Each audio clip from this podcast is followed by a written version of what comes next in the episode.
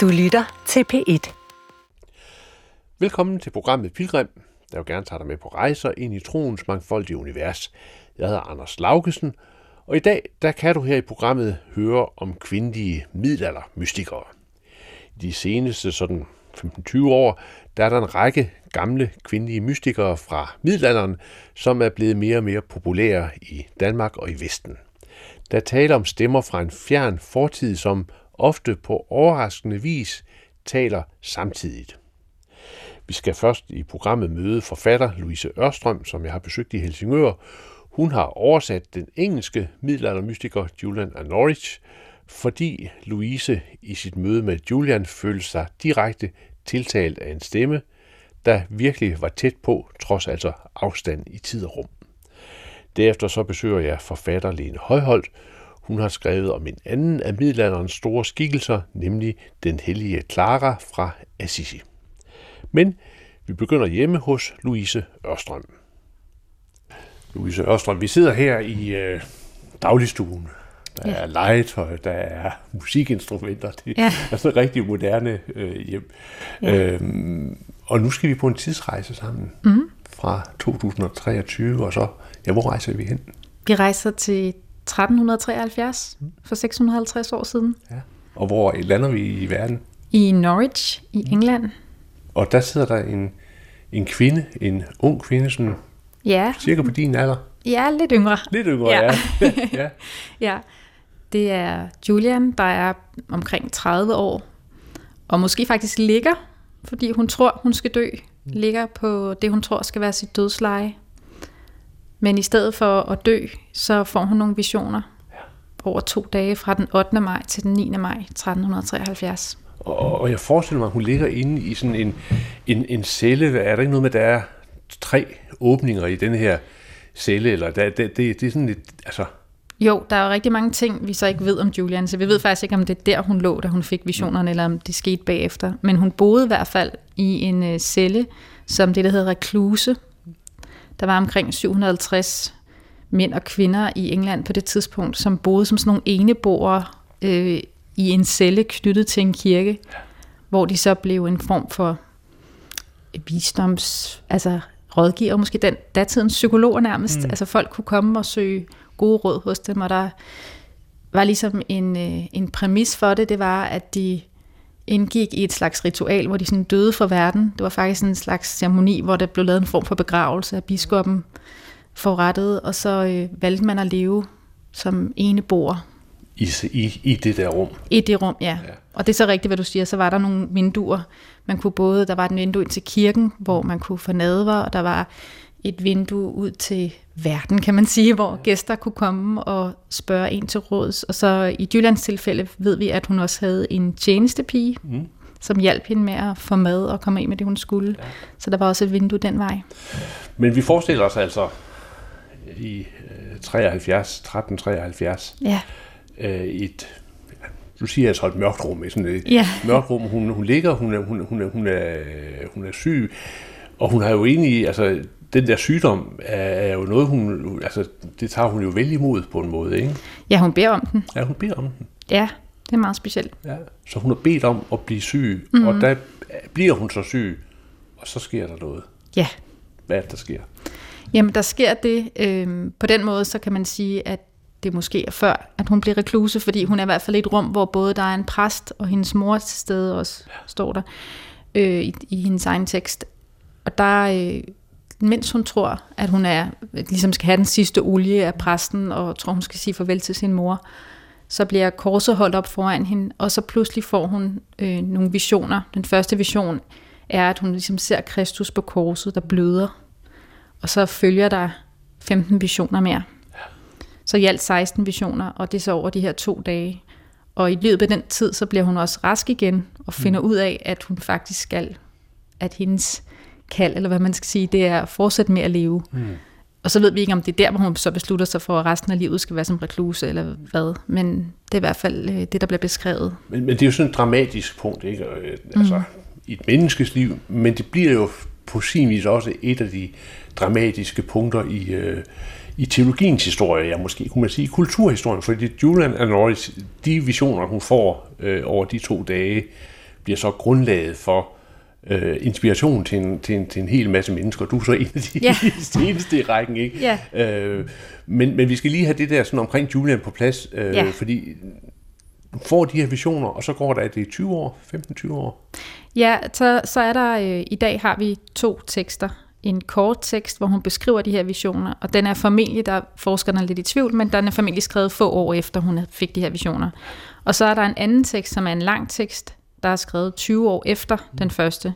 Det vil sige, at hun har, og det er noget af det, jeg synes er meget spændende ved hende, at hun ligesom har mediteret over de erfaringer, hun har gjort sig, formentlig i cellen der, i over 20 år, og så har hun skrevet det igen, øh, og, øh, og det har også en helt anden form, altså det er meget længere, men også lidt mere sådan, hun, hun folder lidt en teologi ud, hvor det første måske kan læse lidt som sådan selvbiografisk på en måde. Og nu kunne man jo selvfølgelig godt tænke sig, jamen altså, 1300-tallet og kvinde og mørke omgivelser osv. Ja. Altså, det kan være, det, hvad sådan har sådan en tekst at, at sige også i dag. Men du læser teksten, du sidder Ja. på en café, og så siger det bum. Ja, nu hopper vi en del år Nu frem, kan man, år frem, ja. men alligevel et år, til- nogle år tilbage, for det var i 2007, mm.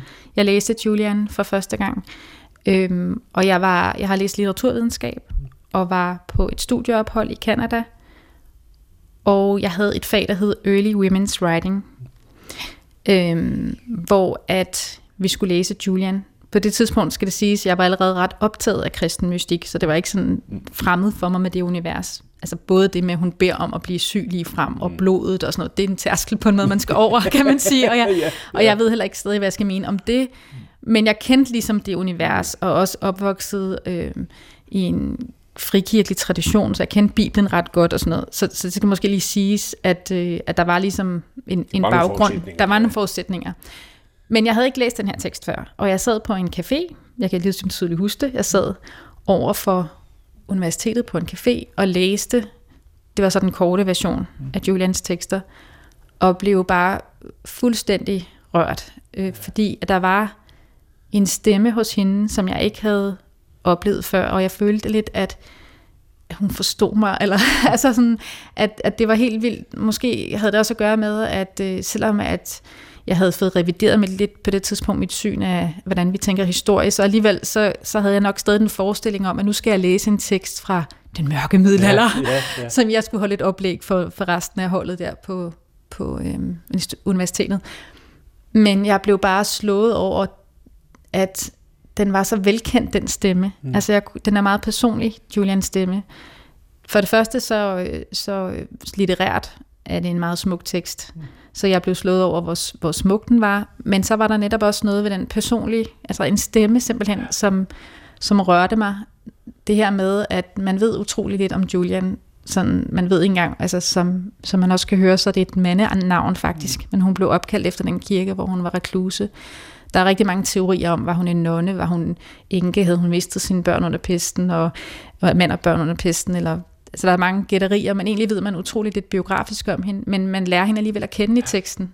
Så det var, det, det var, det var meget tydeligt for mig, at det var et menneske, vi havde her med at gøre, der havde haft nogle erfaringer, og som øh, havde en personlighed, jeg også lidt, altså uden sammenligning i øvrigt, men sådan kunne genkende det her med at, at være egentlig sådan fremtræder, hun synes jeg, som meget følsom, ja. men også meget sådan tænker, altså reflekterer frem og tilbage over tingene og tvivler på sine egne erfaringer. Det havde jeg heller ikke oplevet hos andre mm. mystikere, og i det hele taget ikke særlig mange tekster øh, omkring sådan kristendom. Øh, øh, jo, noget tvivl, men altså det, det var særligt for hende, synes jeg, der var den her personlige stemme, hvor hun øh, mødte mig på en eller anden måde. Og jeg læste simpelthen den her tekst i et streg, Ja. Og opdagede ikke, at caféen var ved at lukke. øh, og så har det... Altså, så, Så er du rejst med teksten så har jeg egentlig siden. rejst med teksten siden, ja. Og jeg ikke, føler mig ikke færdig med den. Så man kan godt sige, at du har været pilgrim med, med Julian. Det er jeg. Eller, det, Det er, er jeg. Det er du, ja. Det Ja. er du, ja. Fordi, øh, altså, for så at, ligesom at forstå, hvor, hvor, hvor altså, på en måde enestående den der tekst er, ikke, så skal vi jo forestille os, at hun er i et system, der er mandsdomineret, Ja. som i den grad er styret af kirkelige forordninger og Ja, øh, teologi, og jeg skal komme efter dig, ikke? Mm. Og så er det jo faktisk sådan, at hun, øh, at hun på en måde sprænger grænserne, ikke? Jo. Med den der sådan blide, søgende stemme. ja. Hvad, hvad, er det, hvad er det, hun går, altså blandt andet i kødet på, eller hvad er det, hvor, hvor er det det der, den eksplosion i forhold til samtiden, sker? Ja, der er flere ting, men det, hun hele tiden lægger vægt på, det er kærligheden. Det kan lyde meget enkelt, men det har i hvert fald det har nogle helt utrolige dybder hos mm. hende, synes jeg. Øhm, jeg har jo oversat teksten til dansk, ja. og der har jeg kaldt den også kærlighedens åbenbaring.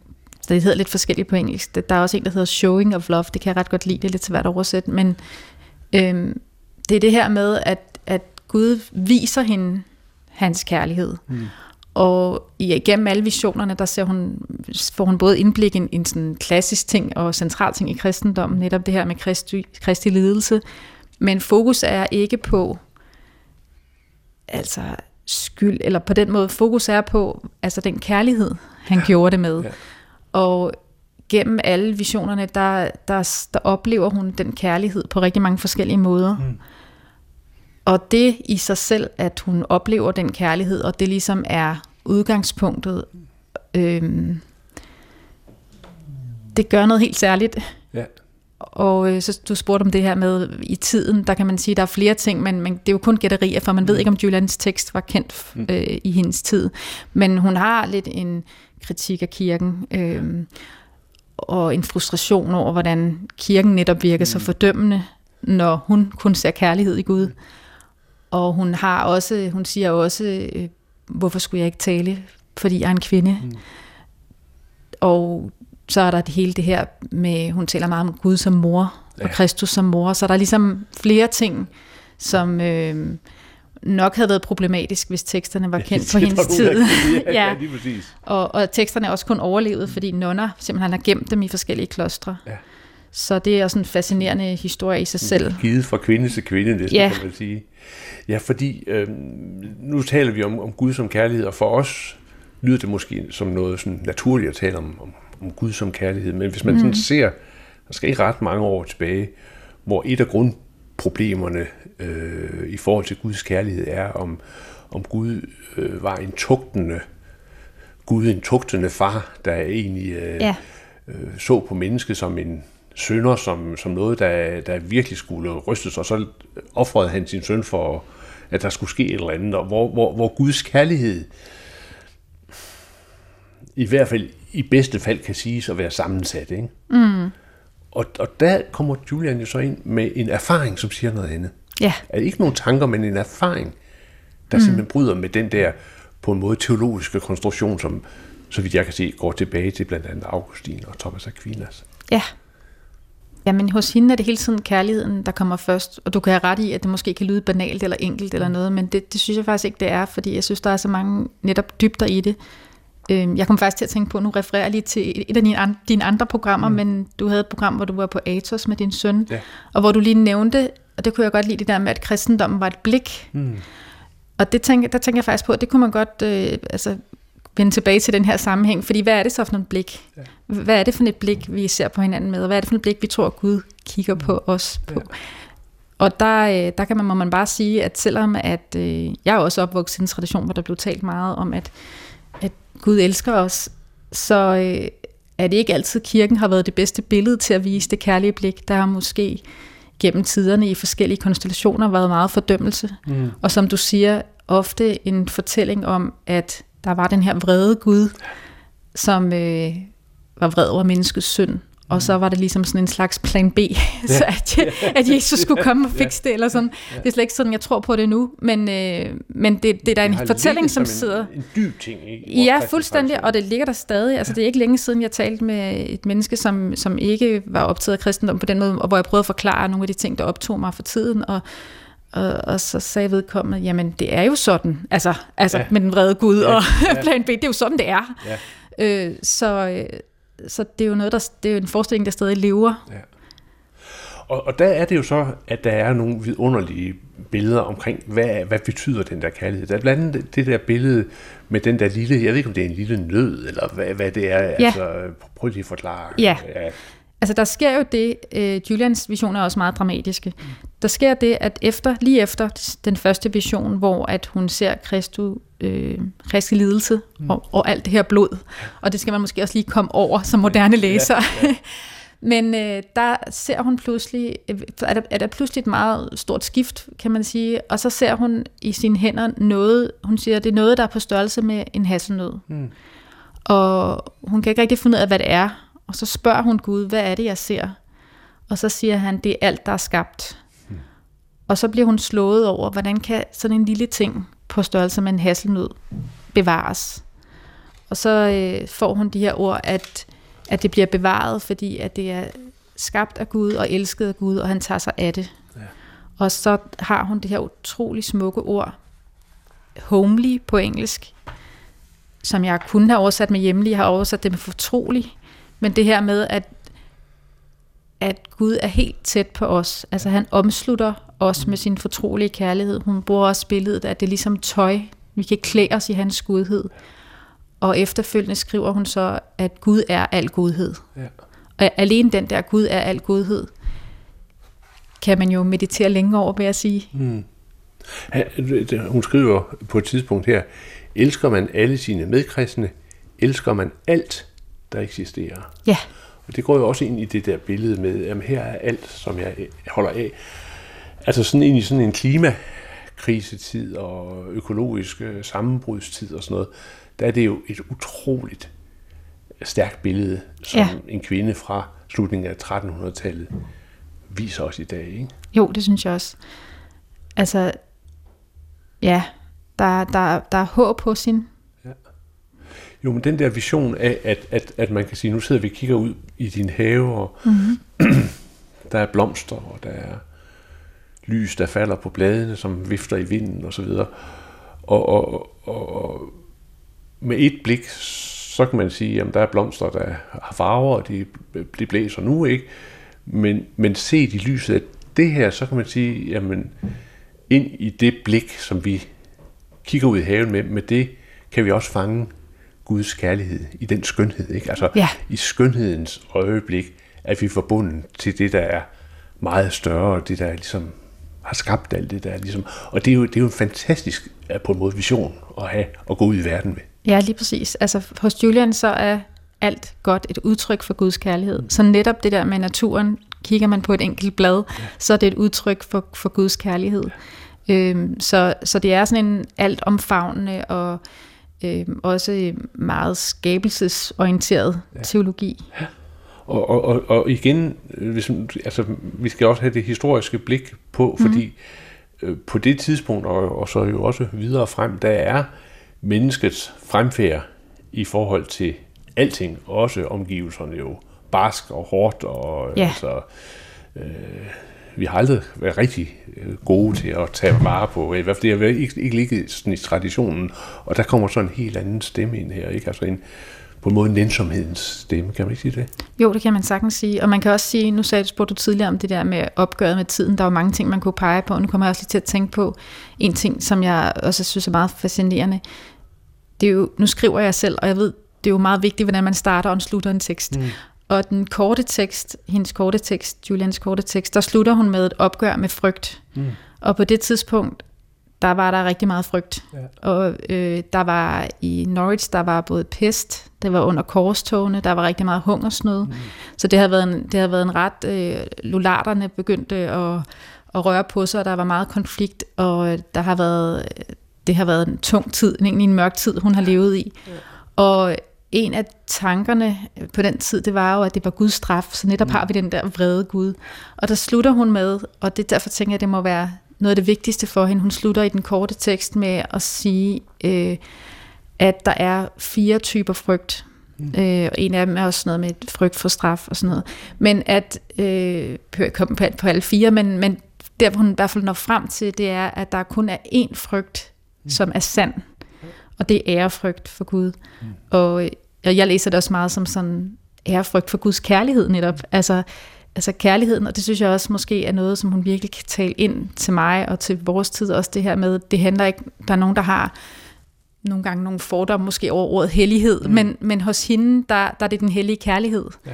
Altså, det kender man måske fra sit liv, mm. når man øh, får et barn, eller øh, i forbindelse med øh, mødet mellem to, der elsker hinanden, og, og der er mange øjeblikke, det er i hvert fald selv der, hvor jeg bliver mest rørt, og der kan man da næsten få den følelse af, at man skal tage sin sko af, altså fordi, fordi det er et helligt øjeblik, og det er den form for hellighed, ikke en, ikke en hellighed, der gør en bange og kommer til at frygte straf, og, øh, så, altså det er ikke en mørk hellighed, hvis man kan sige det, sådan, så hos hende, der er det ligesom, der, der tager hun det opgør med frygten og siger, den, den frygt, I har, øh, mm. også til samtiden, den, den er ikke for Gud, dommedagsfrygten er ikke for Gud. Mm.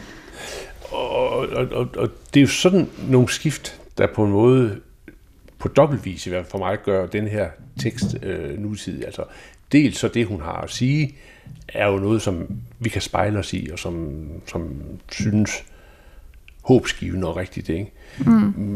Men på et andet niveau, så ligger der også det, at hun tager noget, som i samtiden ligesom er, er givet, altså frygten for eksistensen osv., og så så vender hun det om, så skaber hun nogle nye billeder, hun skaber nogle nye måder at se ind i tilværelsen på. Altså selve det, at man ved at, at vende sproget og vende billederne og få nogle nye formuleringer frem, der kommer indenfra, altså er, er sande indenfra, mm. så ændrer man også blikket på virkeligheden. Ja. Det synes jeg, altså det er jo fuldstændig moderne. Ikke? Ja, det er, er det. ikke rigtigt? Det, det er sådan litteratur, moderne, moderne. Ja, ja, det er det, ja.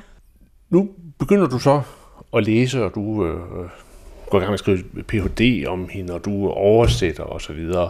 Mm. Øhm, ind i dit eget liv, øh, Louise, hvad, hvad, hvad er det der, der altså, hvad er det, der rører, og hvad er det, der forandrer? Altså, fordi der er jo, udover at det er en interessant person, så er der også en personlig proces i, i det her møde med Julian. Ja, altså som nævnt, så er jeg opvokset i, med en frikirkebaggrund, eller en frikirkesammenhæng, og øh, der har jeg fået nogle rigtig gode ting med, men der er også nogle ting, jeg har gjort meget op med. Mm. I, og det har jeg egentlig, altså i starten af 20'erne havde jeg sådan en, en krise, kan man sige, hvor det hele ligesom var op at vende.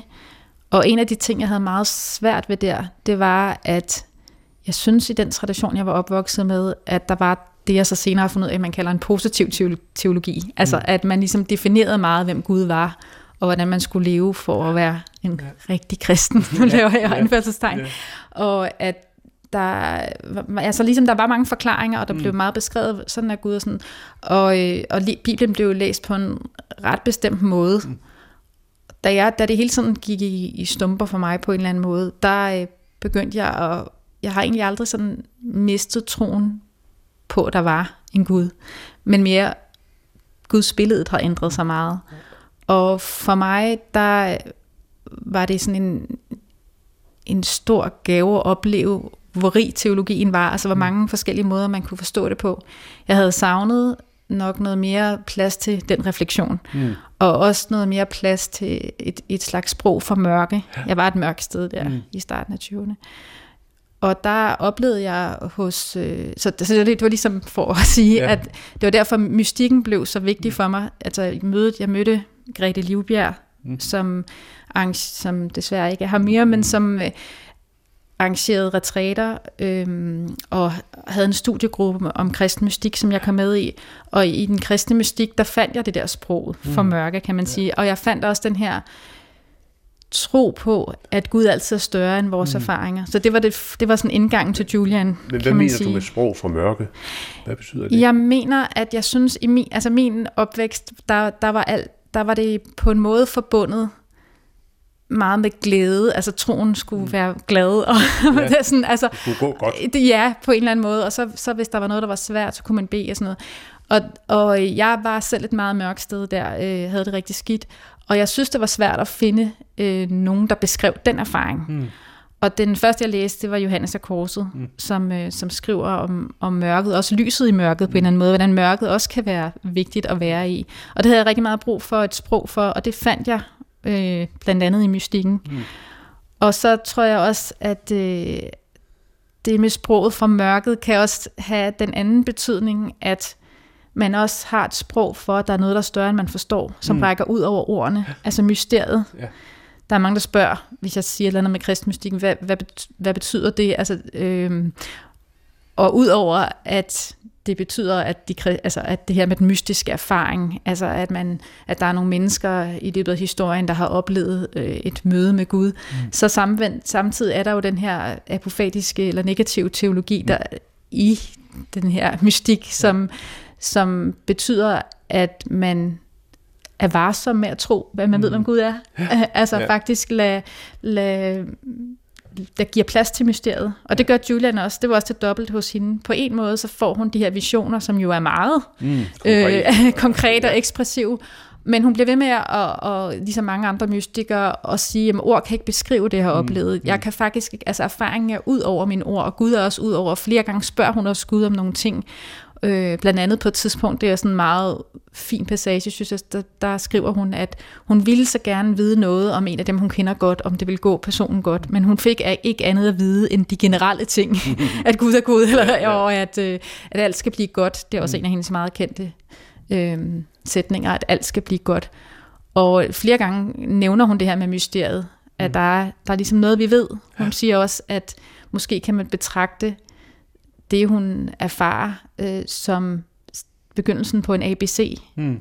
Ja. Så vi har ikke helt sproget. Vi har ikke, vi har ikke teologi. Der er noget, der stadig er i mørke. Ikke? Så mm. der kunne være, kan man måske sige to forklaringer på det. Og, og, og det er jo noget, der, der er og altid har været vældig udfordrende i forhold til teologer, der gerne vil have styr på tingene. Ikke? Ja.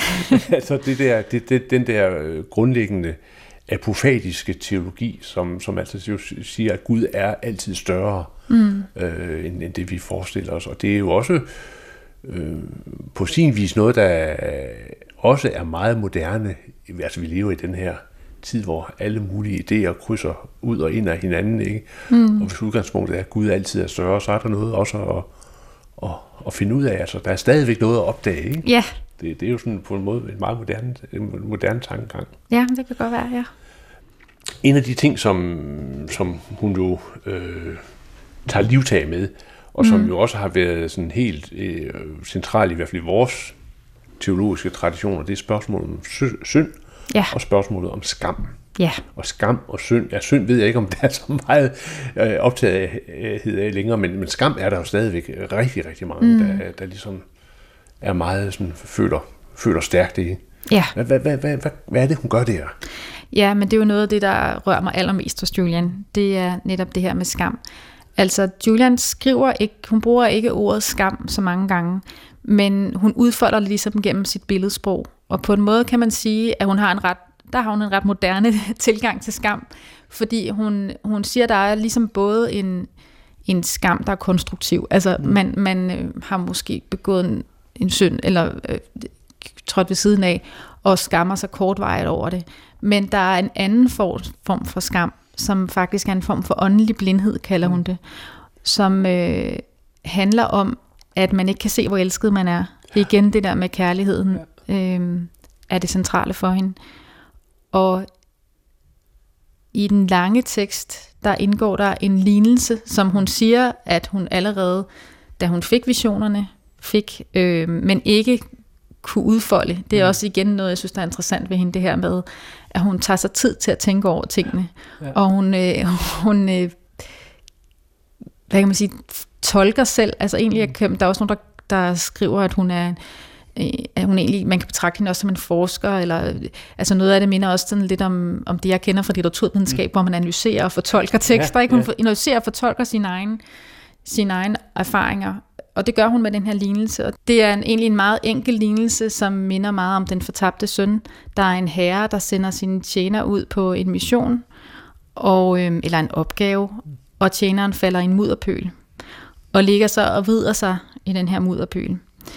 Og så er der en hel masse detaljer omkring alt det her, øh, hvordan det er for ham at ligge i den her mudderpøl, og han vender sit blik væk, og han bliver forblændet i sin fornuft, skriver hun og han øh, ømmer sig, og, og, men det vigtigste er, at han kan ikke løfte sit blik. Han kan ikke se på Herren. Mm. Og så får øh, Julian en indsigt i, hvordan Herren ser tjeneren, mm. og Herren ser tjeneren med kærlighed, mm. og øh, ser på, at tjeneren var ivrig og gerne ville ud i livet ja. og gøre ved. Ja. Men, øh, men så faldt, men det er ikke det, der er det centrale for ham. Mm det centrale er, at tjeneren prøvede, Og han længes egentlig efter at omfavne den her tjener, løfte ham op og møde hans blik og give ham en ren tunika på, mm. som der står. Og øh, så øh, tolker Julian både den her tekst som, at tjeneren kan være Adam, og den kan være hver os, og den kan egentlig også være Kristus. Men det, der er vigtigt i forhold til skam her, det er, at hun beskriver egentlig skammen i billedsprog på den måde, mm. at tjeneren vender sit blik ved. Det er sådan klassisk helt tilbage fra syndefaldet, hvor Adam og Eva skammedes over mm. blikket på dem. Det her med blikket er meget vigtigt ja. i skam, inden for skam. Øhm, men hos hende, der handler det, der, der siger hun egentlig, som jeg forstår det i hvert fald, at det er ikke vores synd, der er mm. mellem os og Gud, men vores skam, altså vores manglende tro på vores egen værdighed. Mm. At vi ligesom bliver så forblændet i vores fornuft og, og skammer os over dem, vi er, og hvad vi har gjort. Der kan man sige, der kan det også nogle gange være sådan lidt, der er mange, der er meget optaget i at skelne mellem synd og skam, hvor synd er noget, man gør, og skam er noget, hvem man er. Og det er også rigtigt nok, men jeg tænker også nogle gange, at der kan være sådan lidt en glidende bevægelse mm. i det, mm. at det, det kan måske starte med en skyldfølelse, som kommer over i skammen. Det er også mm. typisk mig, og så er jeg ja. sådan her, jeg er ikke værd at elske. Mm. Og der er det så, Julian siger, det er åndelig blindhed, fordi at Gud har hele tiden sit kærlige blik rettet mm. mod os. Og skammen, den opløses, så at sige, i det blik. Ja. Og det hun så viser i den anden fortolkning af lignelsen, det er, at øh, man også kan opfatte Kristus som den, der blev sendt afsted, faldt, men til forskel fra den første del af lignelsen, så bevarede han hele tiden sit blik på Gud. Mm. Øhm, bevarede sin tro på sin værdighed, ja, kan man sige. Ja, ja. Den måde at, at, at, at se øh, skam på, øh, er, er det noget, man også øh, kan bruge, hvis nu man ikke har et Guds begreb, ikke har et forhold til det med Gud? Jamen helt sikkert, tænker jeg. Altså, da jeg skrev, jeg skrev så noget af en PhD, og så stoppede jeg igen. Men den handlede om, øh, om det her med skam. Mm. Og der kunne jeg jo, og det, det synes jeg var jo så fascinerende se, at i den retning skamforskningen gik, mm. det, det, det var, der var Julian faktisk meget moderne. Altså hun kunne ligesom tale ind i den, fordi det er også den her forståelse af, at, øh, at det ikke er entydigt med skam. Der, der er selvfølgelig det kan være farligt at leve skamløst, mm, yeah. og, og skam har måske en, en, en social funktion nogle gange, men at, øh, at der også kan være den her destruktive skam, mm, yeah. øh, hvor mennesker ikke kan se deres egen værdighed. Mm.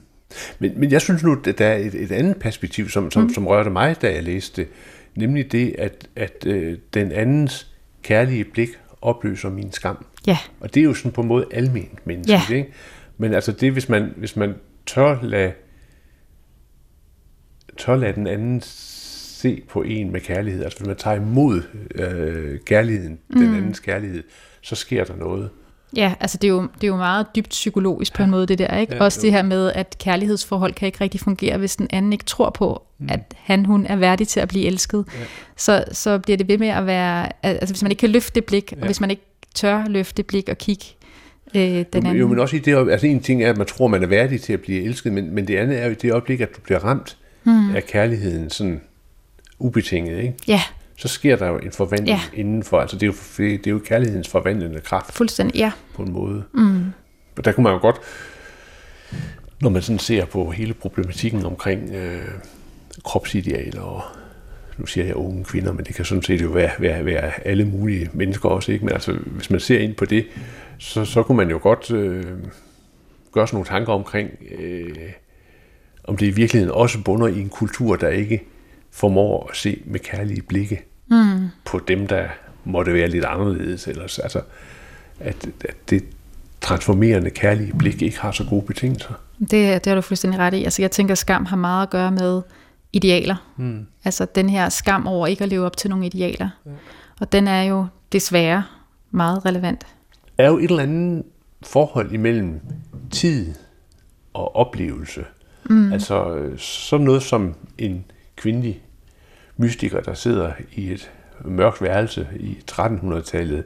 Altså hendes oplevelse, er det noget, der er bundet ind i en bestemt tid, eller er der et eller andet i det, som, som ja, ikke er almen gyldig? Mm. Hvad, hvad tænker du om det? Jamen, jeg tænker jo helt klart, at der er noget, der er almen gyldigt. Ja. Det er jo derfor, jeg kan blive ved med at, at dykke rundt i de tekster. Og, øh, og der ligesom også er et et meget spændende møde, mm. øh, netop med nogle, nogle Altså jeg, jeg, jeg kunne i hvert fald mærke, at jeg har nogle af de samme frustrationer, som Julian havde, og nogle af de samme følelser omkring ting. Så det, det var også det, der første gang, jeg læste teksten, egentlig rørte mig lidt. Altså historiens vingesus på en måde. Ikke? Hvordan kan det lade sig gøre? Og have den samklang med et menneske, som er som levede for over 650 år siden. Men, men, men hun, hun levede som reklusa, altså ja. øh, i det, den her celle. Ikke? Du øh, lever med en familie og børn, ja. ikke? Hun øh, var alene. Øh, du lever i et kærlighedsforhold med din mand. Mm. Altså, øh, der er jo en lang, og, og, så, og så for ikke at sige alt det, der er sket siden slutningen af 1300-tallet, ja. ikke? Altså, der, der er jo så store forskelle. Mm. Hvad er det, der binder jer sammen? Jeg tror, at det skal tilbage til det med stemmen der, at jeg kan virkelig genkende mig selv, eller jeg kunne, kan mærke den stemme, og jeg kan genkende, jeg, jeg er selv en person, som nok er meget følsom og tænker meget over tingene, og vender dem meget sådan, øh, og det altså igen uden sammenligning, for det er ikke sådan, men, men altså, jeg kan bare genkende hendes personlighed på en eller anden måde. Ja. At hun øh, vender tilbage til tingene hele tiden, og hun har den her tvivl om dem, og på den ene side og på den anden side øh, fortolker lidt tingene, og øh, bruger, hun siger også på et tidspunkt, at fornuften er vores største gave, så hun er et menneske, der tænker over tingene, men altså forholder sig også sandsligt til dem med mm. kroppen og med følelserne. Og, og derfor er hun på en eller anden måde, selvom at, at hun jo bare, bare er en stemme, så er hun et menneske. Altså, det, det får ligesom teksten for ligesom krop, hmm. når man læser den, synes jeg. Og øhm, så er der flere ting. Nu har jeg nævnt det der med skam, som jeg også selv, hmm. øh, er en problematik, jeg også selv kender. Øhm, og også på et tidspunkt har hun en, en passage, hvor hun skriver om, hvor frustreret hun er over kirken. Hmm hvor hun siger, jamen hvordan kan det være nu, når jeg oplever, at Guds kærlighed er så dyb, at jeg ikke ser det i kirken, at det ikke er det blik, jeg synes, kirken ud af mennesker med. Mm. Og der må jeg sige, den, jeg, jeg, jeg kan faktisk huske, at jeg sad på biblioteket på et tidspunkt over i Canada, og øh, da jeg skrev speciale, jeg skrev mm. speciale om Julian, hvor jeg så sad og læste det her stykke og begyndte at græde på det der bibliotek, fordi jeg blev så rørt over, at hun havde den frustration for så mange år siden, som jeg kunne genkende. Og der mener jeg nok sådan lidt kirken med stort K, fordi mm. det er ikke for at hænge nogen bestemte mm. samfund ude. Jeg har oplevet nogle ting, da i min opvækst i frikirken, jeg har også oplevet noget i nogle andre kirkesamfund, og i de store billede hører man jo altså de her katastrofer, der har været omkring ja. øh, magt og misbrug og, og øh, seksuelle overgreb og alle de her ting inden for kirken. Og det er en sorg, mm. synes jeg, ja. at men på, eller jeg har det i hvert fald sådan, at jeg er næsten mere i tvivl om kirken, end jeg er i tvivl om Gud. Eller jeg mm. synes, kirken ja. er en svær størrelse. Og jeg øh, blev meget rørt over, at selv hende, som jo, altså man skulle faktisk godkendes af biskoppen, som jeg vist nævnte til at, at blive rekluse, og hun levede jo op af en kirke, og har mødt alle de her mennesker, som jo altså var kirkegænger, det var alle jo ja. på den der tid, men, men, øh, men alligevel så, så, øh, så ser hun det her misforhold, mm. og bliver virkelig frustreret over det. Og det, øh, det er i hvert fald en frustration, jeg kan genkende. Mm. Sådan øh, ind i forhold til dit eget trosliv. Ja. Altså, der kan man høre, at du har fået, fået en masse med af Julian og Norris, men, men sådan i det hele taget det der med, med mystikken, altså ja. de gamle mystikere, hvad, hvad er det for noget, de ligesom kan, kan bidrage med i, i tiden, fordi der er jo en, øh, en stor øh, hvad skal vi sige, interesse for at læse de gamle øh, mystikere.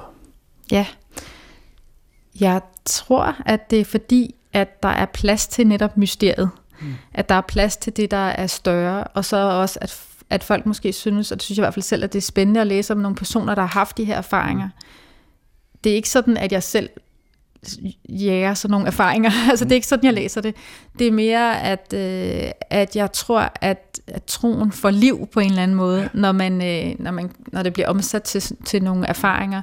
Og der kan man selvfølgelig læse Bibelen, men der er også forskellige, vi er også forskellige som mennesker, og mm. vi er mm. forskellige personer. Derfor tænker jeg heller ikke, at at alle bliver ramt af Julian, som jeg måske gør, men så er der måske nogle andre mm. personer, de bliver, altså vi, har, vi er jo alle sammen, vi er jo en bred palet af mennesker, ja.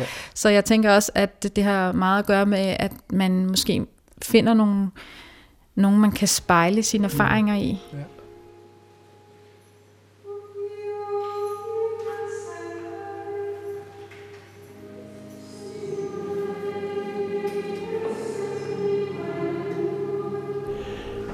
Det var Louise Ørstrøm, som jeg havde besøgt i Helsingør, og bogen, hun har oversat, den hedder Julian and Norwich, Kærlighedens åbenbaring, og den er udgivet på forlaget Bodal.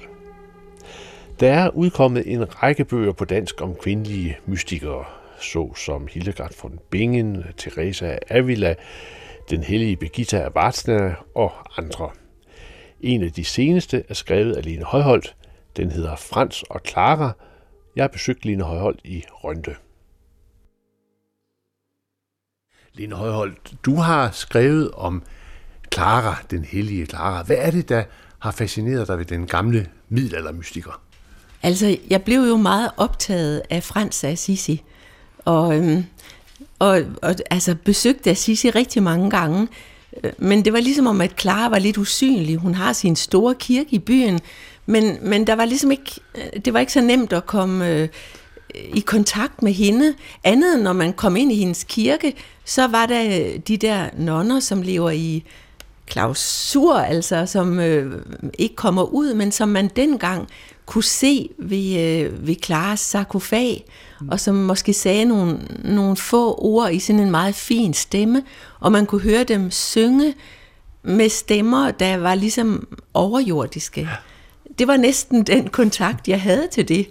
Men så pludselig er der kommet så meget mere frem omkring hende, og, og det har bare Jamen, jeg synes bare, det er så meget. Hvad, hvad, hvad var hun for en, en, en person, Clara, og, og hvornår, hvor er vi henne sådan rent tidsmæssigt? Altså, hun blev født i øh, 1193 eller 94, øh, og var altså sådan 12 år, måske yngre end, øh, end Frans.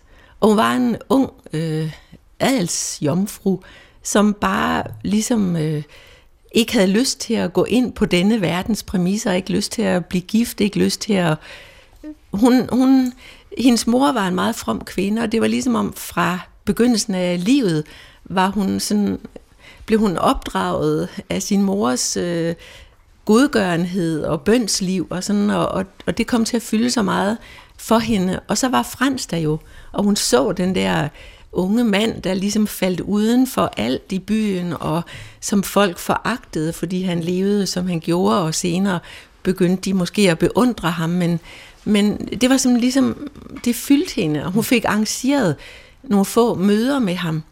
Og øh, altså, det gjorde så dybt et indtryk på hende, så hun bad om, at han ligesom ville øh, overtage ansvaret for hendes liv.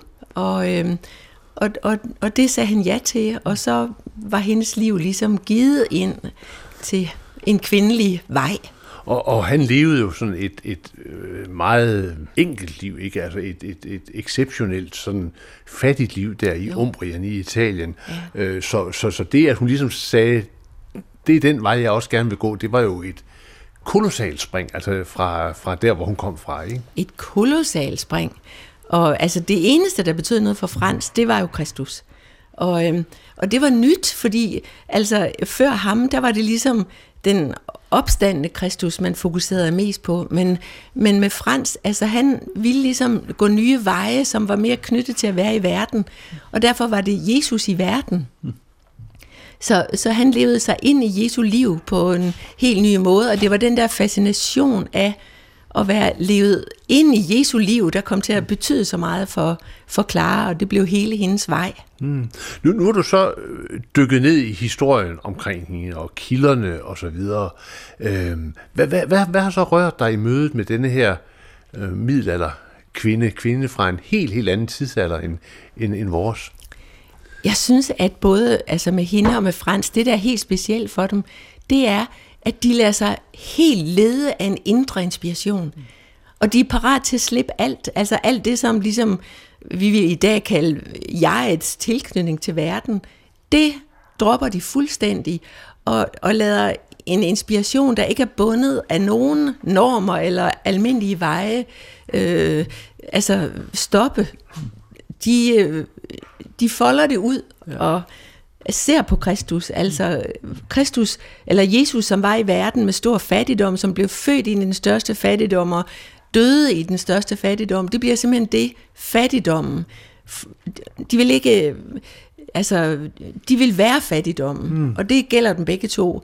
Og Clara, hun kan jo ikke gå ud i verden som Frans, så hun øh, med vilje ligesom valgt, lukker de sig inde i et, øh, i et kloster, som Frans overlader til dem, og der bor de så, og Frans vil have hende til at være abbedisse, men det er ligesom hele tiden, så følger hun den vej, der går, altså bliver et med Kristus. Hmm. Hun kan godt acceptere at være abbedisse, hvis det er en nødvendighed, men så bliver det i hendes egen fortolkning. Hun er den, der tjener. Hun er den, der øh, ligesom øh, ja, tjener de andre og giver sit liv ind i fællesskabet. Mm. Og, og det fællesskab, det er hele tiden en fordybelse ind i Kristus. Og, og det er jo, når jeg sådan læser kilderne, er det, altså hun underviser de der øh, kvinder, som efterhånden strømmer til det der kloster. Og hvor har hun den undervisning fra? Hun får lidt vejledning fra Frans, men ellers er det jo ligesom hendes egen hele tiden fordybelse ind i mødet med Jesus, ind i kærligheden til Jesus, ind i visionerne om Jesus, som bliver hendes vejledning af hendes liv. Og det, som er specielt ved Clara, det er, at vi ved rigtig meget om hendes liv, fordi at der er bevaret øh, de, øh, altså, den retssag, der ligesom bliver efter hendes død, hvor hun bliver helgenkåret. Mm. Og der har man bevaret altså vidneudsagn fra alle de søstre, der har levet sammen med hende. Så, så ned i detaljer er der fortalt om hendes hengivelse til dem og til, altså, til Jesus som det fælles for dem alle sammen. Sådan at hun næsten, altså jeg tænkte på, da jeg arbejdede med det, hun bliver sådan et eksempel på Paulus' det der med, at Jesus er hovedet, eller Kristus er hovedet, og alle er lemmerne, så vi ligesom er et stort øh, læme. Og det er det, der, der for hende bliver, bliver essensen, det er at blive det læme med sin medsøstre og med verden, som har Kristus som hoved. Hmm. Så, så hun oversætter på sin vis øh, budskabet, Jesu, Jesu liv, ind i sin samtid. Altså hun øh, identificerer sig hun identificerer sig helt, og, og, hun, og, og det bliver sådan et, altså det der meget personlige forhold, det ytrer sig blandt andet i, at hun har visioner af Jesus også som barn, hvor hun, de har set hende nonnerne sidde, eller søstrene sidde med Jesus på skødet, og mm. altså sådan en kærlighedsdimension, som går meget, meget, meget dybt. Ja. Lidt højere. Nu har vi de seneste hvad skal vi sige, 10-15 år set en opblomstring af bøger om øh, middelalder, kvindelige middelaldermystikere. Jeg tænker på Hildegard von Bingen og Teresa Avila og, øh, hvad hedder hende, Siena... Øh, øh, Katarina. Katarina Siena og øh, Birgitta Vastena og så videre. Ikke? Ja. Så der er en hel række kvindelige mystikere fra middelalderen, som har fået øh, fornyet betydning, ikke bare i Danmark, men sådan ud over i hvert fald kristenheden i Vesten. Ja. Hvorfor tror du, de her øh, kvindelige øh, mystikere sådan har fået en slags renaissance? Altså jeg tror måske, det kan hænge sammen med, at deres, øh, hvad skal vi sige, religiøse liv egentlig på nogen måde kan minde om det, vi, de vilkår, vi lever i i dag, altså de fik jo ikke, i modsætning til mændene, så fik de ikke nogen teologisk uddannelse. Mm. Så de var meget mere overladt til ligesom at gå en øh, følelsesvej eller en mm. sjælsvej. Og, øh, og, og det de oplevede, eller det som kom til dem, de havde ikke et teologisk sprog for det. De måtte ligesom skabe sproget fra sig selv. Mm. Og det betød også, at, at det de delte i det, og, og de oplevelser de fik, de blev jo dybt, dybt eksistentielle og forpligtende mm. for dem selv og for fællesskabet. Og på den måde tror jeg faktisk, at vi øh, ligesom står i den situation i dag, at øh, den der længsel ind i det religiøse har ikke et teologisk eller kirkeligt sprog, som det havde tidligere. Så derfor den der famlen ind i en dyb længsel og øh, hvad de nu, øh, altså øh, åbenbaringerne, eller hvad de fik, altså der bliver de på en måde et forbillede, fordi de, den der sprogskabelse, det er den, vi har brug for. Måske mm. kan vi ikke bruge deres sprog, men vi kan bruge øh, altså det med at få lov til selv at skabe et sprog, sådan som det, jeg lige læste op før, er jo ligesom følt helt inde ja. fra Clara selv, og ikke i et fint formet teologisk sprog. Så, så vi spejler i de der kvindelige mystikere nogle mennesker fra en helt anden tidsalder, nogle mennesker for hvem noget har været virkeligt, kan man sige. Ikke? Ja. Altså, og, og de tør udtrykke det på deres egne præmisser, der, med deres egne ord. Ja, de har været nødt til at udtrykke Ja. det. Altså, det kan have været farligt for dem, og de har udsat sig selv for øh, modstand, men det var ligesom, det, de er blevet tvunget til, fordi de ikke havde et sprog, de er blevet tvunget til en virkelighed. Mm. Altså, det bliver en virkelighed for dem, som bliver så kostbar, at den må næsten koste, hvad den vil, fordi det er deres hjertes udtryk, eller deres hjertes kærlighed, og det eneste, der betyder noget. Og, så- og så er der vel også noget andet. Øh, for mystikerne, de kvindelige mystikere i middelalderen, udviste jo et enormt stort mod. Ikke? Jo. Altså, de trådte jo faktisk alle sammen op imod autoriteter. De sagde ting, man ikke kunne sige dengang. Ja. De, øh, de øh, satte virkelig deres eget liv og deres eksistens ind på at være tro over for det, de nu havde på hjertet. Ja. Og det, det, det, det kan jo godt hænge sammen med det samme, at, øh, at, at de simpelthen, at det var så dybfølt en virkelighed, at de kunne ikke tage sig af, hvad det kostede, ligesom, fordi det var et kærlighedsliv, der var på spil. Ja. Og, og, og sådan er det også med, med Clara, altså hun sætter sig også op imod øh, paven, og, som kommer på besøg, og vil give hende nogle, øh, øh, altså sådan, øh, det, hun behøver ikke at leve så hårdt et liv, og så siger hun, hun, hun kan eje noget, så det er nemmere for dem at være det, og hun siger, jamen, tror du, det er det at eje, der betyder noget? Det eneste, der betyder noget, det er Kristus. Altså, hun vil ikke modtage hans øh, gaver og sådan. Det har været noget af en bemærkning til en, pave, der, der ja. Ja. klirrede med guld og... Ja, ja. Ja. ja det er klart. Øhm, hvad, hvad, har, hvad har de kvindelige, altså Clara, men også andre, hvad har mystikere, kvindelige mystikere, hvad, hvad de betyder for dig selv, Lene indhold? Altså, jeg synes, de har betydet så meget for mit liv. Øh, man nok sige, at af mystikerne er det nok Frans, der har betydet mest for mig, men, men det at komme til at kende Clara var ligesom en kvindelig udgave, eller en kvindelig modpol. Og den der, øh, den der kvindelige, øh, netop som du siger, også øh, styrke eller mod, det er, at troens virkelighed er det, der ligesom gælder definitivt i vores liv. Det synes jeg, at, at de har været et meget stærkt forbillede. Altså, Teresa Avila på samme måde. Det er jo barske liv. Noget, der også har, jeg har tænkt rigtig meget over, det er, at der er så meget lidelse. Hvorfor er der så meget lidelse i deres liv? Clara var syg i øh, mange, mange år og lå i sengen, og hvad det nu var, hun var hård ved sig selv. Teresa var meget syg, altså det har de været mange af dem. Og, og, og det synes jeg virkelig, altså hvad er lidelsens funktion? Jeg tror ikke kun det er det, at de er hårde ved sig selv, men, men måske er det sådan, at, øh, at det at komme i kontakt med, med de dybder i menneskesindet, øh, som de kommer i kontakt med, på en eller anden måde er dybt forbundet med lidelse. Og at i den lidelse kommer de i kontakt med Jesu lidelse, mm. og, og, og kommer ligesom ind i et møde, øh, som er helt specielt for, for nogle af de der øh, kvinder. Altså så stor en nærhed, de forsvinder ligesom ind i, øh, i Jesu lidelse og i hans opstandelse og ophøjelse, altså øh, bøns dybde. Øhm, ja, jeg synes, det er meget specielt, og det er virkelig noget, jeg har brugt meget tid på at prøve at forstå. Og vi ved jo også alle sammen godt, at når vores eget liv er ramt af lidelse, så kommer der en dybde, som vi jo ikke ønsker. Vi ønsker ikke lidelsen, men, men det er som om, at lidelsen øh, knytter vores liv til Kristus eller øh, til en religiøs dimension, fordi at vi ligesom ikke kan finde et mødepunkt for den dybe lidelse i den konkrete verden. Og det viser mystikerne hen på, de kvindelige mystikere. Det er det, de gør igen og igen og igen, netop fordi deres liv rummer så meget lidelse.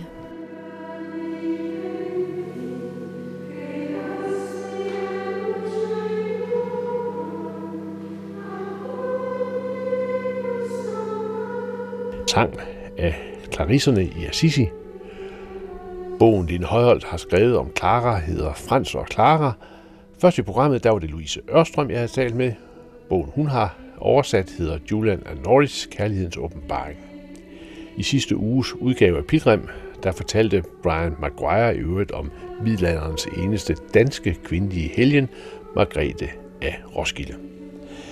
Her er der Anders Laugesen, som siger tak, fordi du lyttede med, og på forhåbentlig genhør om en uges tid.